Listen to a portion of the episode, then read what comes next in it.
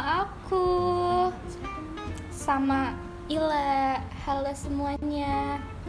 Di sini aku bareng sama temen aku nih. Namanya Widya. Kenalin nih guys. Hai guys.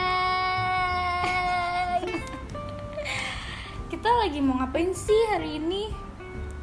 Hari ini gimana nih puasanya? Lancar gak? Alhamdulillah. Alhamdulillah ya. Pokoknya ketemu awal sama akhir aja. iya, yang penting itu sih ya intinya. Ngomong-ngomong nih Wid, Iya. di masa-masa pandemi kayak gini tuh yang paling susah tuh apa sih buat Widya? Kalau buat aku, yang pasti pandemi itu semuanya susah mau ngapa-ngapain susah banget. Lagi buat nambahin pemasukan pribadi kita. Terus eh, belum lagi misalkan eh, pemasukan kurang, sedangkan pengeluarannya over limit. Betul gitu. sekali. Jadi kita harus pinter-pinter sih ngatur keuangan. bener bener bener nah Widya nih kan sebagai eh, generasi milenial nih terus sebagai pegawai juga nih ya kan udah bekerja di suatu perusahaan gitu kalau menurut Widya nih mengatur keuangan susah nggak sih Enggak. Kalau menurut ya? aku, tapi em, kalau aku ya, kalau aku tiap bulannya selalu ada rincian yang ini beneran, ini the real. iya iya iya Gue selalu buat em, apa namanya? Kayak misalkan gaji gue berapa? Bulannya gue dapet apa aja nih? Hmm, Terus gue gue harus bayar kewajiban gue apa, aja? Kayak misalkan gue bayar listrik, air, hmm. kasih emak kasih kasih adik gue misalkan ya misalkan nah itu kan nanti ket- ketahuan nih pemasukan kita segini pengeluaran kita segini kalau menurut aku sih aku nggak terlalu kesulitan karena aku setiap bulannya selalu dirinci dirinci gitu tapi eh, nggak tahu ya kalau misalkan kaum milenial yang tahu deh gitu. Kalau setahu aku nih kalau kaum kaum milenial sekarang tuh kayak susah banget gitu buat eh, ngatur keuangannya. Soalnya biasanya kan uang masuk nih terus tiba-tiba udah hilang aja nggak tahu Iya, ke mana gitu kan. Lifestyle-nya terlalu high iya jadi kayak kebutuhan eh, primer mereka tuh udah nggak terpenuhi lagi malah buat cuma kesenangan mereka aja gitu. Senang sisaan. Iya bener terus apa lagi nih ya Nah, kalau ngomongin ngatur keuangan, lu sendiri gimana nih? Kan lu juga kerja gitu kan. Eh, buat diri lu sendiri gimana ngatur keuangan? kalau gue sendiri sih kalau gue sih nggak sedetail kayak lu ya misalnya masuk segini terus buat segini gini gini gini dicatat itu Hmm. enggak sih cuma kayak kalau yang penting tuh pasti di Utamakan. diutamakan Hmm. jadi nggak dicatat si ini segini segini segini tuh enggak Tapi kalau misalkan nih gue nanya ya, eh, yang gak diutamakan kan nggak lu catat nih. Nah itu tuh kayak banyak banget jadinya dan itu nggak kehandle sama diri lu sendiri. Apa yang lu lakuin? kalau gue sih orangnya kan nggak aneh-aneh ya maksudnya eh, gue jarang ini juga sih kayak belanja-belanja hal-hal yang menurut gue nggak nggak penting ya enggak gitu. Jadi paling ya gue fokus sama yang pertama aja sih. Hmm, kalau ketika ketika yang pertama tuh udah udah terpenuhi nih ya paling sih saya masuk ke tabungan paling gitu ya. Kalau misalnya kita lagi pengen beli apa-apa paling ya keluarin sedikit lah. Hmm, masih kaum kaum milenial yang aman ya, Ce. Ya sih? alhamdulillah ya. Aduh. Kalau kita berdua kan eh, ngatur keuangan gampang karena ada penghasilan dong Iya, ya kan? Ada pemasukan nih terus kita eh, tinggal nyatetin deh pengeluarannya gitu kan. Nah gimana sih eh, kalau ngatur keuangan tapi yang belum ada penghasilan? Kalau enggak maksudnya yang belum ada penghasilan tuh harus ngatur keuangan juga gak sih? Ya pastilah. Kalau menurut gue ya, misalkan mahasiswa. Kan mahasiswa itu rata-rata belum berpenghasilan ya. Misalkan eh, dia mahasiswa yang benar-benar eh, penghasilan. Bukan penghasilan sih maksudnya kayak dapat uang saku tuh dari orang tua. Ya kan misalkan per bulan dapat budget dari orang tua tuh sekian. Nah sedangkan dia kan pasti kayak perlu buat nugas ya nggak sih? Nugas terus belum lagi dia kayak mau have fun sama temen-temennya. Sedangkan dia kan pasti harus tahu diri dong karena uangnya dari orang tua. Nah itu juga pasti harus direkap tuh pengeluaran dia.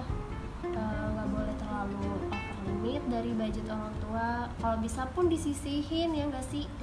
Karena kan dia belum berpenghasilan. Kalau misalkan dia eh, part time atau apa itu lebih bagus kalau menurut gue ya. Jadi dia cari penghasilan sendiri buat ngatur keuangan dia lagi gitu.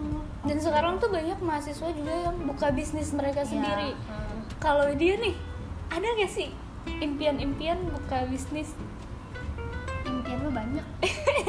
Terrealisasinya impian, susah banget. Karena kayaknya karena kerja juga kali ya ngatur Hmm. waktunya susah ce belum lagi eh, kalau kalau aku sendiri ya belum ter- terlalu percaya sama orang. Ya walaupun ujung-ujungnya kita butuh staff tapi kan Mm-mm. kalau misalkan em, apa namanya lebih enak sih kita kayaknya buka usaha tuh dari kita dulu nih. Ya nuntun sampai kita bisa punya nama kalau langsung dipegang sama orang aku nggak terlalu percaya. Tadi kan dia sempet nyebutin ngerinciin setiap pengeluarannya kan? Iya. Dari semuanya gitu. Nah itu tuh udah termasuk investasi gak sih? Investasi sama jaga nabung kan ya ya nabung ya sama aja sama aja sih. Iya pasti. Karena penting banget itu ya harus iya, ya. Apalagi kan di masa-masa pandemi tiba-tiba kayak kena PHK ah gila sih itu kayak sedih banget kalau misalkan kita nggak punya tabungan sama sekali. Enggak sih. Sedangkan nyari kerja susah. Kalau jenis investasi yang Widya punya tuh apa sih? Kalau sisihin berapa persen dari penghasilan untuk dimasukin ke saham. Saham. Nah, oke oke.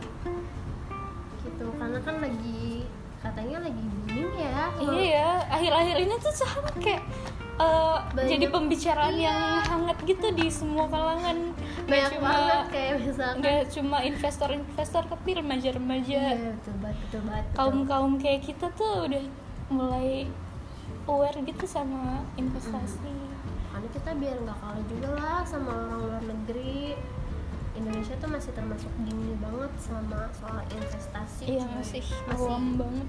Buta lah ya. Buta apa tabu ya? Buta, Ya, tabu. buta sih. Buta dan tabu jadi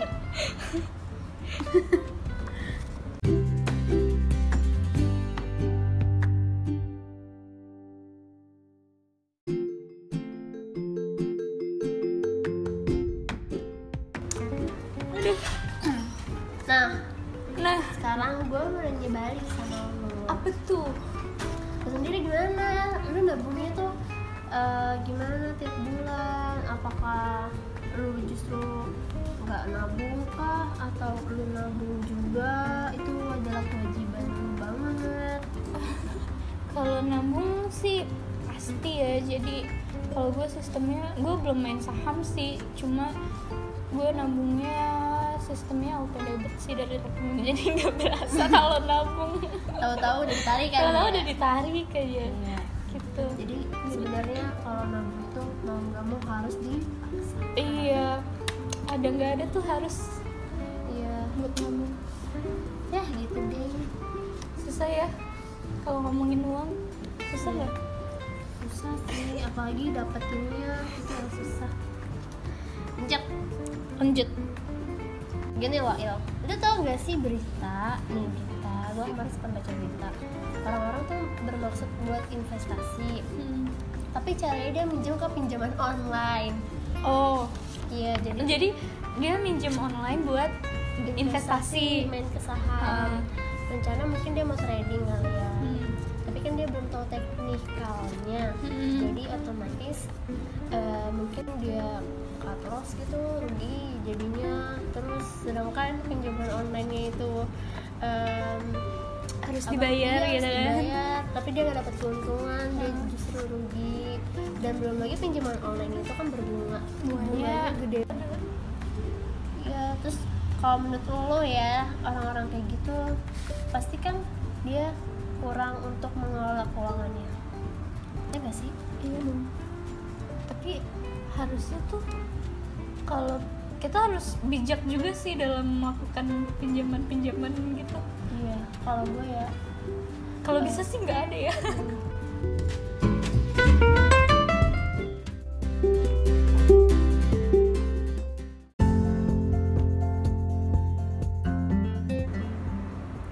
lagi ke investasi nih Wait. iya investasi kan nggak mesti ke saham ya? Iya bisa ke investasi rumah kendaraan dan lain-lain. Iya. Selain investasi nih kan ada lagi yang namanya asuransi. Iya. Lo punya nggak? Enggak. Lu jangan nawarin gue lagi di sini ya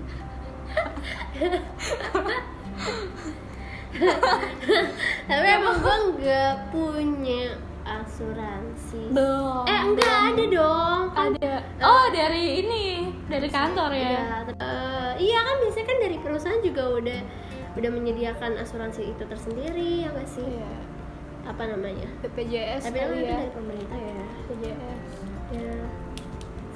Masih banyak sih orang yang masih belum aware banget sama asuransi ya Iya. sedangkan kayak di negara-negara lain tuh udah setiap orang tuh ha- harus ada gitu asuransi ya nggak sih iya. semuanya diasuransiin kayak mobil rumah gitu nggak cuma nggak cuma ke eh, apa namanya ke manusianya aja gitu. Nah, menurut lo pentingnya itu dalam apa ini detailnya bisa nggak sih lo jelasin ke gue? Jadi pentingnya asuransi tuh kalau misalnya nih kita punya asuransi Mm-mm. jiwa atau kesehatan misalnya asuransi motor mobil kendaraan rumah. Itu kalau misalnya kita sakit atau misalnya kendaraannya hilang atau rusak itu kita nggak perlu pengeluaran lagi. Jadi udah di cover sama asuransi itu. Hmm, oke berarti ada manfaatnya ya untuk asuransi itu itu udah banyak banget nih ngomongin dari tadi ada asuransi investasi cara rumah. mengelola Hmm. uang nih gimana Eh, kali cukup ya sekian dari kami kayak udah udah banyak juga kan yang udah kita sharing-sharing bareng Iya. ya semoga ada manfaatnya ya. Bermanfaat nih buat kita semua. Dan bisa diterapkan juga ya dalam kehidupan kita selanjutnya. Iya benar. Biar lebih baik. Oke. Thank you Ila.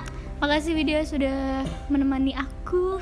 Iya. Saat ini semoga berlanjut ya podcastnya iya. Bye. Bye See you next time. Yeay. Dah.